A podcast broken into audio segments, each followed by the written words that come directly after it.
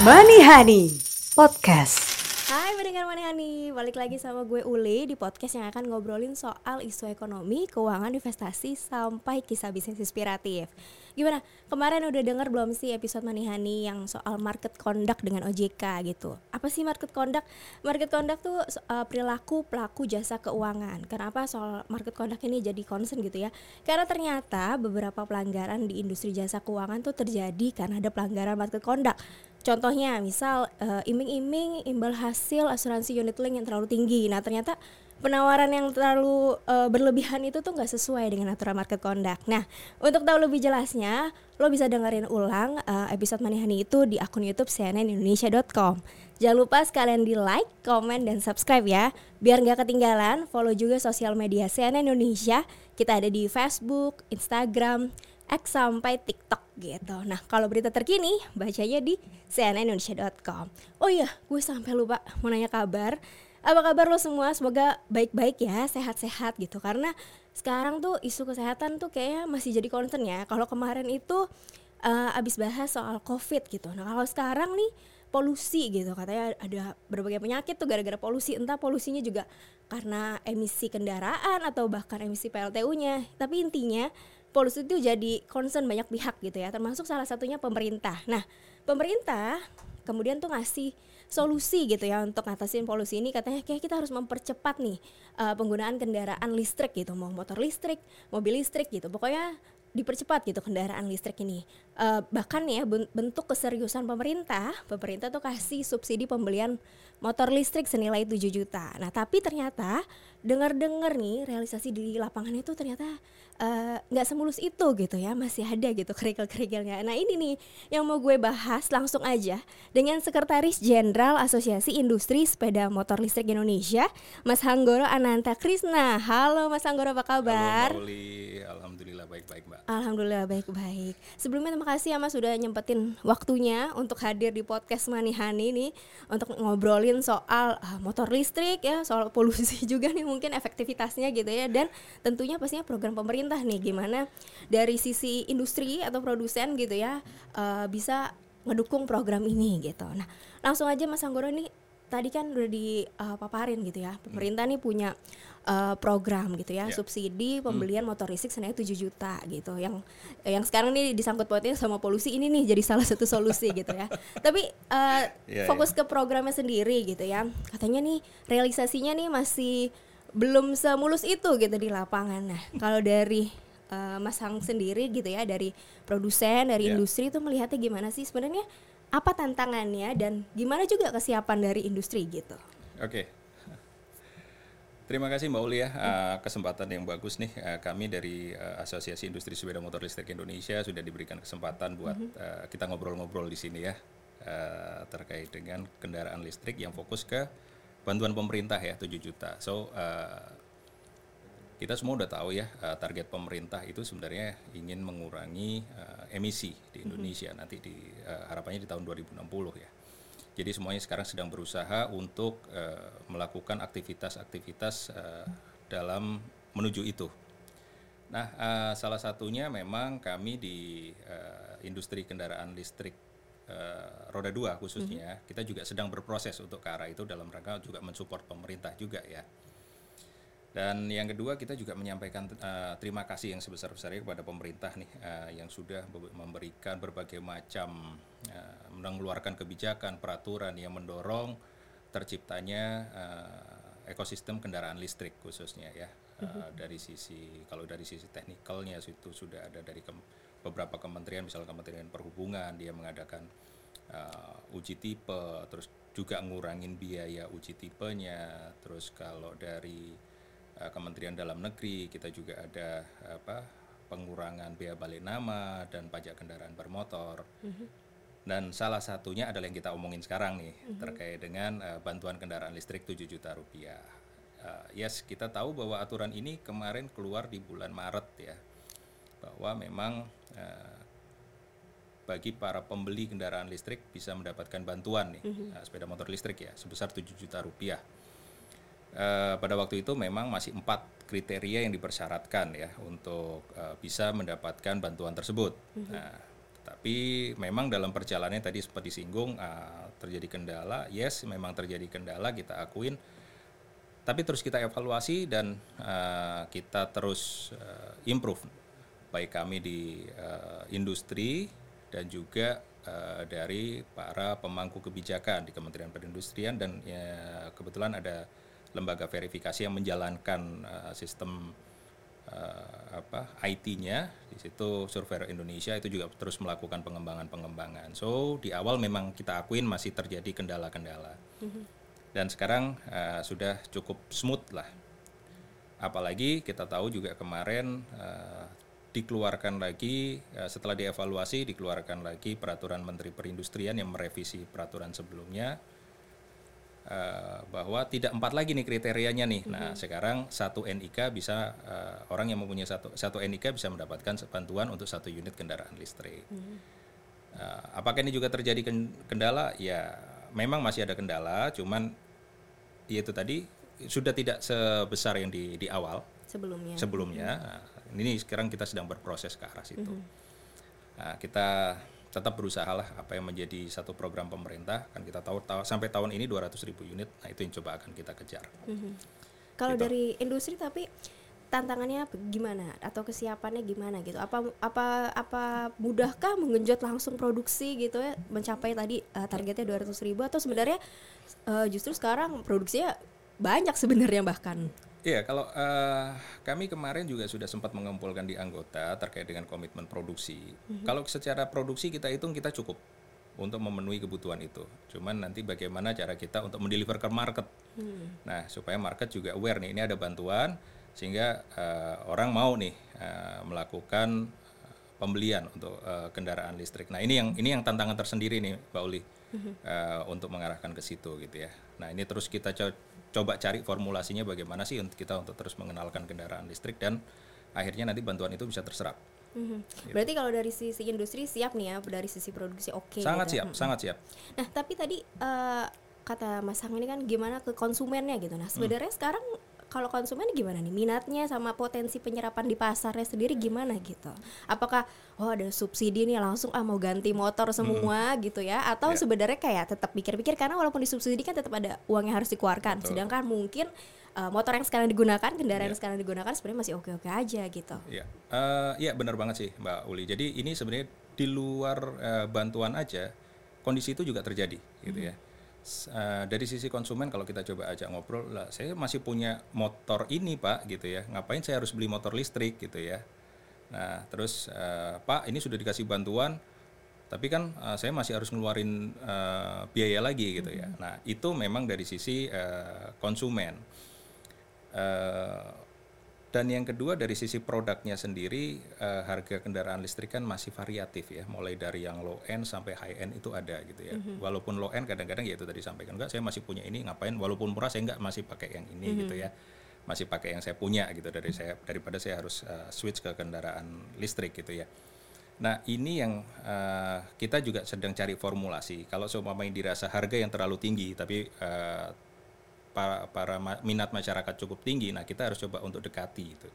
Nah salah satunya kita coba untuk menggandeng uh, beberapa lembaga pembiayaan, kita menghimbau uh, lembaga pembiayaan dari perbankan baik milik uh, swasta maupun BUMN untuk mari kita turut serta ya uh, untuk uh, mensukseskan ini dengan cara ya membiayai gitu ya uh, karena kita tahu bahwa mungkin hampir sekitar 80 atau 90 persen penjualan kendaraan ini ditopang oleh uh, pembiayaan eksternal gitu ya mm -hmm. daripada pembiayaan pribadi. So itu yang coba kita hmm, ya banyak sekali uh, apa ya kekhawatiran-kekhawatiran masyarakat yang disampaikan. Saya bicara global ya, enggak mm -hmm. iya salah satunya itu gitu ya. Nah, kita coba untuk cari formula bagaimana cara kita untuk memperkecil gap itu, Mbak. Sehingga nantinya uh, masyarakat lambat laun memang mau berpindah gitu ya. Mm -hmm Nah, yang kedua mungkin juga masalah sosialisasi nih yang oh. kita coba untuk uh, gali nih. Mm -hmm. Kemarin kami juga berdiskusi dengan uh, Kemenko Marves, salah satunya juga kita bicara masalah sosialisasi gitu mm -hmm. ya, karena mungkin uh, masyarakat kurang tersosialisasikan terhadap kendaraan listrik ya. Itu yang pertama. Yang ke yang kedua terhadap bantuan ini pun juga kurang. Mm -hmm. Nah, ini kita kemarin juga diskusi bagaimana cari uh, formulasinya nantinya bagaimana cari, memberikan uh, apa sosialisasi yang cukup efektif buat masyarakat. Dan harapannya di kegiatan podcast ini bisa nantinya memberikan satu sosialisasi juga nih ke para teman-teman yang nonton nih mbak uh, harapannya gitu ya Hmm, baik tentang penggunaan motor listrik dan Iya. subsidinya ya. Ah, ah, ah, ah. Tapi di tengah eh, dinamika ma- minat masyarakat gitu ya, sebenarnya mungkin bisa dijabarin nggak sih Mas Hang tuh sebenarnya keunggulan dari motor listrik itu apa sih biar mungkin makin Ya. menggugah juga gitu ya gitu. Eh, ini bukan iklan ya, bukan iklan ya, tapi kita bicara fakta ya. Kita bicara fakta memang untuk penggunaan kendaraan listrik kalau kita bicara dari manfaatnya atau benefitnya ya yang pertama kalau kita tahu ya pasti zero emission ya. Eh, mak- maksudnya eh, dibanding dengan eh, gas buang dari kendaraan eh, motor bakar pasti karena kita zero emission itu yang pertama. Yang kedua eh, secara produknya eh, spare part itu lebih simple ya dibanding dengan kendaraan motor bakar. Jadi orang-orang hanya cuman ya konsentrasi perawatan itu paling di eh, eh, apa eh, part-part yang fast moving kayak ban, kampas rem, mungkin eh, kalau pakai yang belt ya itu paling paling itu aja gitu ya. Terus yang ketiga mungkin dari sisi eh, finansial dari sisi konsumen ya. Kalau mungkin kalau saya coba compare ya, eh, tapi ini bukan untuk menjatuhkan ya, bukan. Tapi kita coba untuk compare secara secara eh, hitung-hitungannya aja. Kalau semua penggunaan kendaraan ya, orang jarak misalkan 50 eh, km ya, eh, kalau kendaraan listrik sekarang itu biasanya sekali charging dia juga bisa mencapai jarak segitu. Itu butuh kalau kita bicara KWH apa eh, biaya pengecasan satu KW itu sekitar hampir sekitar 2000. Nah, itu cukup untuk biasanya sekitar sampai 50 ya, 40 sampai 50. Nah, kalau yang untuk kendaraan bensin pun dengan harga bensin yang termurah sekarang 10.000 perak itu dengan jarak yang sama ya dia satu liter itu ya bisa menempuh jarak segitu. Jadi kita bisa hampir sekitar saving sekitar 60 sampai 60 persen ya dari dari apa pengeluaran kalau dari sisi biaya gitu. Oke. Terus eh, juga dari ini kementerian-kementerian eh, dalam negeri juga mengeluarkan peraturan menteri dalam negeri di mana kalau kepemilikan kendaraan eh, listrik itu eh, biaya balik namanya nol, nol P. Terus pajak kendaraan bermotornya juga nol. So jadi ya cukup murah sebenarnya kalau dari sisi eh, penggunaan kendaraan listrik ya. Terus nggak bising dan lain sebagainya. Ya. Salah satu berarti poinnya juga biaya-biaya tambahannya itu yang lebih ini ya. Kalau servis Nah, itu kalau kita bicara service, uh, to be honest, uh, masih uh, after sales ya. Itu yang salah satu yang dikeluhkan oleh masyarakat. Jadi uh, bengkel kendaraan listrik itu masih belum cukup banyak. Ya. Ya, ya kita tahu ya kita juga bicara populasi kan. Motor listrik aja kalau tercatat di apa sertifikat registrasi uji tipenya Kementerian Perhubungan sekitar baru 60.000 ribu secara populasi ya. 60.000 ribu unit ya. Nah, memang masih belum ada. Itu yang sebenarnya menjadi kekhawatiran eh, masyarakat juga gitu. Ntar kalau semua ada apa-apa, saya susah cari bengkelnya dan lain sebagainya. Nah, itu itu juga eh, kalau belum tanya ke masalah kekurangannya ini saya coba udah udah coba bocorin nih gitu ya. Ya, tapi ya ini real dan itu menjadi satu tantangan nih kita bagi pelaku industri kendaraan listrik khususnya sepeda motor listrik bagaimana ini eh, hal-hal seperti ini harus kita eh, tangani gitu ya. Mm. Nah bicara ku- kekurangannya itu juga eh, mungkin bukan kekurangan sih tapi ya itu eh, pasti kan tetap ada eh, tetap ada jadi concern juga ya gitu Iya, ya. Salah satunya juga soal keamanan gitu. Hmm. Eh, kita nggak bisa pungkiri juga kadang risiko kayak banjir atau Iya. mungkin baterainya bermasalah. Nah itu kalau di motor listrik tuh gimana dibandingin sama BBM gitu ya? Kalau BBM kan nggak pakai baterai nih tapi dia ada mungkin ada risiko baru nih kalau baterainya tiba-tiba bermasalah gitu Iya. atau mungkin tadi juga diterjang banjir nih gimana mas? Ya, kalau kita bicara safety baterai ya, kalau kita bicara safety baterai itu di pada saat eh, pabrikan itu melakukan pengujian kendaraan di Kementerian Perhubungan, mereka sudah dipersyaratkan melampirkan sertifikat keselamatan baterai. Dan itu menjadi satu poin eh, penting. Jadi eh, bisa kita sampaikan bahwa ke masyarakat juga bahwa dengan adanya itu kita pastikan secara ini baterai aman ya karena Kementerian Perhubungan sudah mempersyaratkan itu. Jadi eh, produk produk kalian harus safe eh, untuk baterainya dan dibuktikan dengan eh, tes report pengujian safety-nya, berdasarkan SNI atau berdasarkan dari pengujian uh, safety dari uh, luar. Nah, itu jadi uh, jangan takut ya untuk menggunakan itu. Terus dan juga kebetulan saya juga ada di komis, uh, komite teknis di Badan Standarisasi Nasional. Kita terus nih uh, mendevelop uh, terkait hal-hal untuk safety untuk kendaraan listrik ya, termasuk juga baterai. Itu juga kita coba develop. Jadi uh, mulai banyak teman-teman yang sudah mencoba untuk merefer ke standar nasional Indonesia ya. Ya, jadi jangan ada kekhawatiran. Ya. Itu yang pertama. Yang kedua tadi disinggung masalah banjir ya. Kalau kita compare masalah banjir ya di mana pun juga walaupun kendaraan motor bakar pun kalau banjir ya jangan di jangan diterjang gitu kan. Intinya gitu gitu ya. Sama kendaraan listrik pun juga kayak gitu. Walaupun sudah ada beberapa teknologi eh, apa kendaraan yang cukup kedap terhadap eh, air terhadap debu itu juga juga sudah ada. Tapi ya kita menghimbau nih eh, teman-teman ya untuk masyarakat pengguna kendaraan listrik atau yang akan menggunakan kalau ada banjir ya jangan diterjang gitu loh. kalau bisa dihindari kan sama aja bunuh diri gitu. Kalau semua ntar mau motor di tengah mogok kalau motor bensin juga sama kan kalau semua udah banjirnya terlalu dalam juga mogok tapi kalau hanya untuk cipratan air uh, hujan itu saya rasa sudah cukup aman untuk kendaraan listrik sekarang. Oke. Nah, selanjutnya kalau bicara uh, motor listrik nih pasti juga nggak lepas sama uh, klaimnya gitu ya kan karena lebih ramah uh, polusi gitu ya, lebih, lebih ramah lingkungan gitu Iya. ya, lebih emisinya lebih rendah gitu ya. Apalagi sekarang polusi jadi concern juga gitu. Nah, tapi s- kira-kira sebenarnya seberapa uh, efektifnya gitu, seberapa ke- seberapa besar keunggulan dari sisi ramah lingkungan ini? Karena kan sebenarnya sekarang suka nggak suka, oke kita memang kalau pakai listrik nih eh, apa diharapkan nantinya emisi buangannya lebih rendah bahkan nol gitu ya. Tapi sumber listrik yang kita sekarang pakai kan mau suka nggak suka kita masih pakai PLTU gitu Iya, ya. iya, iya. Itu juga jadi emisi juga tersendiri juga gitu ya. Nah ini melihatnya gimana sih mas? Ya, kalau kita mencoba melihat dari hulu sampai hilir, semuanya kalau kita bicara masalah lingkungan atau khususnya untuk emisi, kita semua harus sinergi, Mbak. Kami di industri kendaraan listrik roda 2 khususnya, kita mencoba untuk melakukan apa yang kami bisa sesuai dengan kapasitas dan kapabilitas kami, yaitu kita create satu produk yang eh, ramah lingkungan, which is kita tidak menimbulkan eh, emisi gas buang di situ. So eh, itu kita ada ya ini adalah satu spot yang sudah bisa kita kerjakan sesuai dengan kompetensi dan kapabilitas kita. Tapi kalau ada dari hulu sampai hilir ya kita akui memang gitu ya. Jadi mungkin dari sisi pembangkitnya itu masih menggunakan batu bara dan lain. Tapi harapannya kita juga bisa eh, menggugah para pelaku industri yang ada di area hulu sampai hilirnya itu coba untuk mengarah ke situ juga gitu kan. Eh, dan juga kita dengarkan ada beberapa yang sampaikan PLTU yang menggunakan ini sudah disuntik mati gitu ya. Nantinya juga akan menggunakan energi terbarukan. So itu merupakan satu upaya dan ini tidak bisa kerjanya cuman di kita doang gitu ya. Tapi uh, ayo kita sama-sama ini dari hulu sampai hilir kita mencoba men uh, meng-create satu ekosistem yang mungkin juga ini uh, apa yang uh, ramah lingkungan juga gitu ya.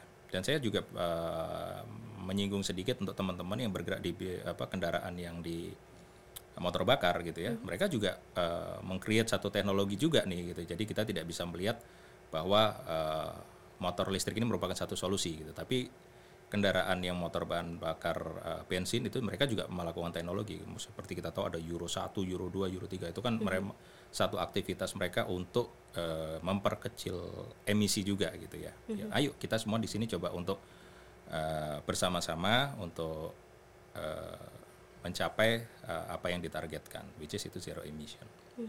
Nah dengan tadi eh, dengan realisasinya di lapangan gitu ya tentang penggunaan motor listrik gitu saat ini gitu di Indonesia, meski sebenarnya masih jauh dibandingin eh, pengguna motor eh, BBM gitu ya, tapi eh, Indonesia kan udah ke arah sana gitu ya. Bahkan di tingkat ASEAN nih Indonesia katanya mau memimpin eh, mobilisasi penggunaan motor listrik kendaraan listrik gitu. Nah dibandingin negara-negara lain eh, bahkan termasuk kayak Thailand misalnya. Nah Ya. tapi kalau dari industri gitu ya sendiri melihat gimana sih apa mungkin nggak sih atau butuh waktu seberapa cepat seberapa lamakah gitu Indonesia mungkin bisa benar-benar eh, meningkatkan gitu penggunaan motor at dan mobil listriknya gitu. Ya. Jadi kalau uh, secara data ya uh, Indonesia itu adalah uh, tiga terbesar di dunia dalam uh, produksi untuk kendaraan ya, secara uh, sepeda motor khususnya ya.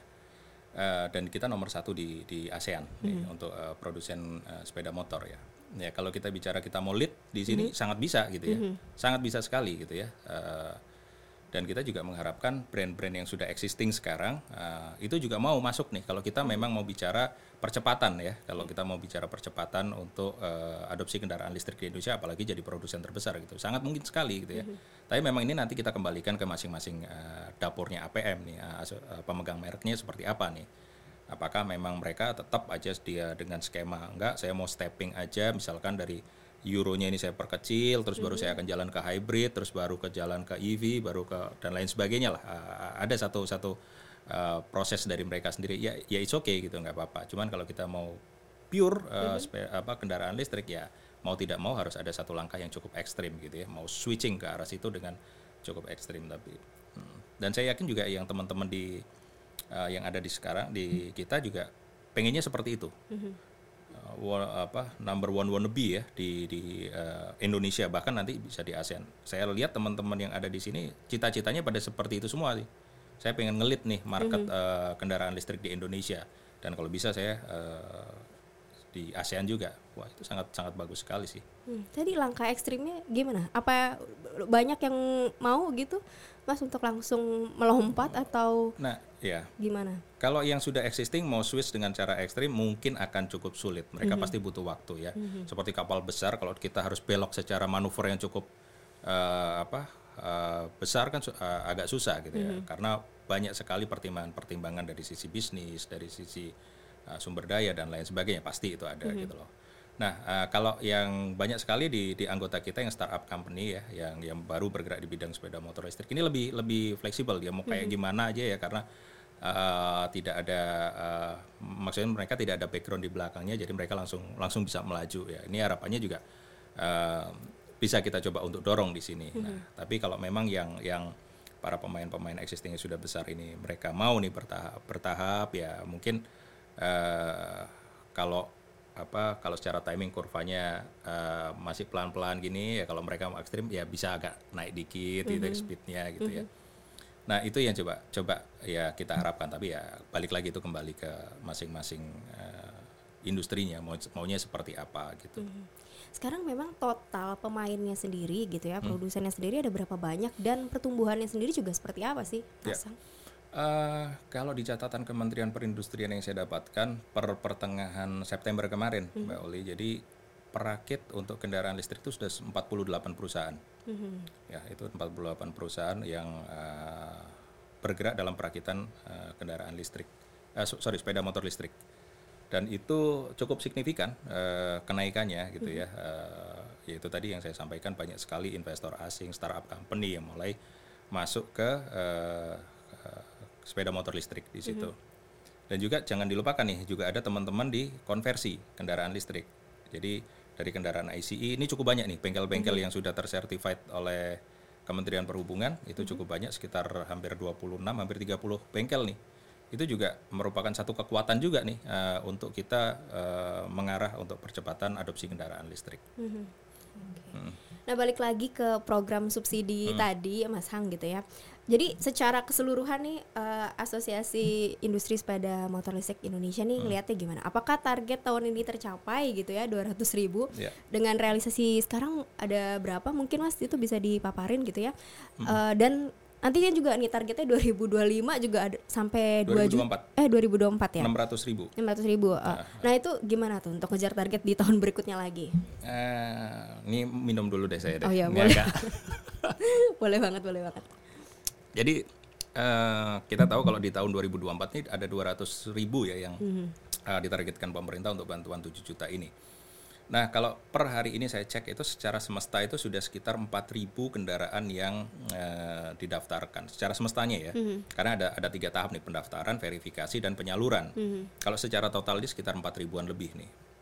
Nah uh, melihat dengan ini kurang berapa berapa bulan, bulan ya sampai mm-hmm. dengan Desember ya kita melihat kita target realistis kalau kita dapat uh, produksi apa pendaftaran aja se hari seribu aja mungkin bisa nih mencapai mencapai itu. Cuman saya juga kemarin juga kami sampaikan di pada saat evaluasi dengan Kemenko Marves ya mm-hmm. mungkin kalau dari kemampuan kita sekitar 50 ribu sampai 100 ribu sih ya oke okay, gitu ya mm-hmm. kita masih masih bisa achieve lah gitu ya uh, dengan dengan apa uh, aktivitas kita yang normal seperti ini ya ya itu pun juga mungkin agak agak ditingkatkan juga masalah sosialisasi dan lain sebagainya. Tapi kita tetap semangat sih. Kalau memang ada satu lonjakan nih ya kita akan uh, siap gitu. Nanti coba akan kita lihat di bulan-bulan November uh, di akhir-akhir Oktober nih lah uh, atau pertengahan Oktober. Kan baru si Sapira kemarin uh, sempat uh, ada hold sekitar berapa minggu sekitar 22 mingguan lebih ya. Nah, ini baru uh, go live kemarin.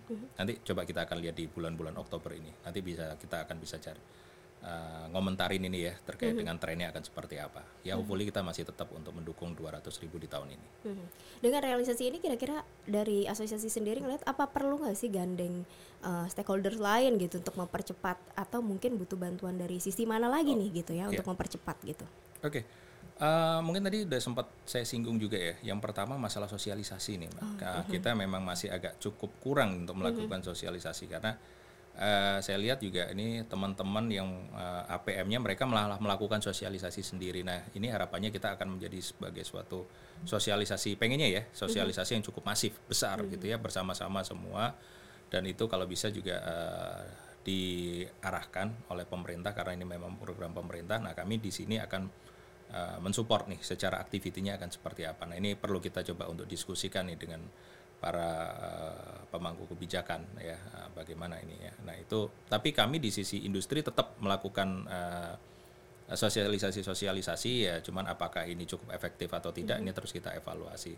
Itu yang pertama. Yang kedua seperti tadi kita sempat obrolin masalah pembiayaan ya. Walaupun sudah disubsidi ini harga masih cukup mahal nih gitu ya. Nah, ini kita pengen menggandeng nih uh, para uh, para pelaku pembiayaan nih gitu ya. Bahwa ini adalah program pemerintah, uh, kita masih ada kendala masalah pricing, harga ya ayo kita disupport apa yang bisa nih. Kita coba untuk garap bersama ya. Uh, dan kami uh, di AS Moli sangat terbuka kalau memang ada pihak dari misalkan dari teman-teman dari pembiayaan ingin diskusi terkait dengan profil anggota kami seperti apa kita bisa temukan itu jadi kita coba untuk eh, menjadi hub ya eh, antara berbagai macam industri khususnya yang bisa mensupport untuk kendaraan listrik. Yang ketiga mungkin masalah infrastruktur nih. Ini juga sangat penting nih. Eh, beberapa yang kita tahu juga eh, masyarakat juga masih keengganan karena ah ntar saya perjalanan dari titik ini ke sini ntar kalau habis saya mau ngecas di mana gitu kan. ya ini kita juga eh, pengen mengajak juga teman-teman yang bergerak di bidang infrastruktur kendaraan listrik khususnya charging atau swap station. Ayo kita sama-sama gitu ya mengcreate satu ekosistem yang eh, secara eh, besar dan secara compact nih dari hulu ke hilir ini kita siapin. Nah ya harapannya juga itu gitu ya eh, agar terserap eh, bantuan ini kan juga sebenarnya untuk untuk eh, apa percepatan adopsi supaya kendaraan listrik juga terserap. Dan ini juga nggak cuma Indonesia Cina juga melakukan India melakukan dan bahkan Thailand juga melakukan gitu Mhm, Oke. Terakhir eh, Hmm. Mas Hang untuk menutup nih, kira-kira apa sih pesan dari industri gitu ya untuk pemerintah dan konsumen supaya nih program penggunaan motor listrik ini lebih masif gitu ke depan? Eh, ya, eh, jadi kalau saya melihat dari sisi pemerintah sih sudah cukup ya eh, secara eh, apa kebijakan-kebijakan yang dilakukan. Mungkin kita bisa lakukan untuk evaluasi bersama ini eh, dengan pemerintah ya apa yang kurang, apa yang sudah kalau yang kurang ya ayo kita perbaiki, kita tambal ya. Kalau sudah lebih ya apa perlu yang kita tingkatkan ya. Itu eh, mungkin harapan kami dan kami di AIS Moli siap untuk menjadi satu partner strategis bagi pemerintah untuk mendiskusikan ini semua. Ya. Hmm. Karena ini bukan kerjaan yang kecil, ini kerjaan yang panjang, butuh eh, sprint, tapi napas juga harus panjang nih. Nah, itu mungkin eh, harapan kami di pemerintah. Nah, untuk ke masyarakat ya sekarang kita sudah eh, kita tahu bahwa beberapa hari belakangan ini khususnya di Jakarta kita tahu isu polusi cukup meningkat gitu ya. Uh, dan juga saya melihat juga di beberapa uh, rumah sakit juga banyak yang mulai terserang ISPA dan lain sebagainya. Dan apakah ini memang uh, masalahnya dari polusi? Ya, saya tidak ada data empirisnya, ya, tapi mungkin ini salah satu penyebabnya. Ya, kalau memang ada satu moda transportasi yang bisa uh, lebih ramah lingkungan, ya mari kita sama-sama uh, kayak himbunan kami kepada masyarakat bahwa ya ayo kita sama-sama untuk menjaga lingkungan bersama gitu ya. Dengan salah satu ya kita di sini adalah sebagian kecil sebagai satu solusi terhadap lingkungan ya. Mari kita untuk menggunakan kendaraan yang lebih ramah lingkungan itu aja sih mbak. Iya, terima kasih banyak Mas Hang atas obrolannya hari ini. Terima kasih. Mhm. Ya intinya ini sebenarnya memang pasti program yang baik gitu ya. Ya. Entah untuk eh, eh, apa solusi jangka pendek misalnya kayak sekarang polusi atau enggak gitu ya. Tapi ke depannya kan juga sebenarnya untuk kemajuan transportasi Indonesia juga ya. Biar Ya. kita juga nggak ketinggalan gitu ya. Ya. Ya jadi semoga ini programnya di, bisa didukung dengan perencanaan dan nanti eksekusinya pun berjalan baik. Amin, amin, amin. Iya terima kasih banyak Mas Hang. Terima kasih, Mbak Uli. Terima kasih juga untuk mendengar Manihani yang dia tadi udah menyimak obrolan ini. Eh, jangan lupa untuk saksiin terus episode Manihani berikutnya eh, di akun YouTube CNN Indonesia. Eh, jangan lupa di kom di like, komen dan subscribe. Nah, untuk informasi episode berikutnya, lo juga bisa pantengin terus sosial media cnnindonesia.com ya dan baca terus berita terkini di cnnindonesia.com. Oke, Gop Uli pamit. Dadah. Money Honey Podcast.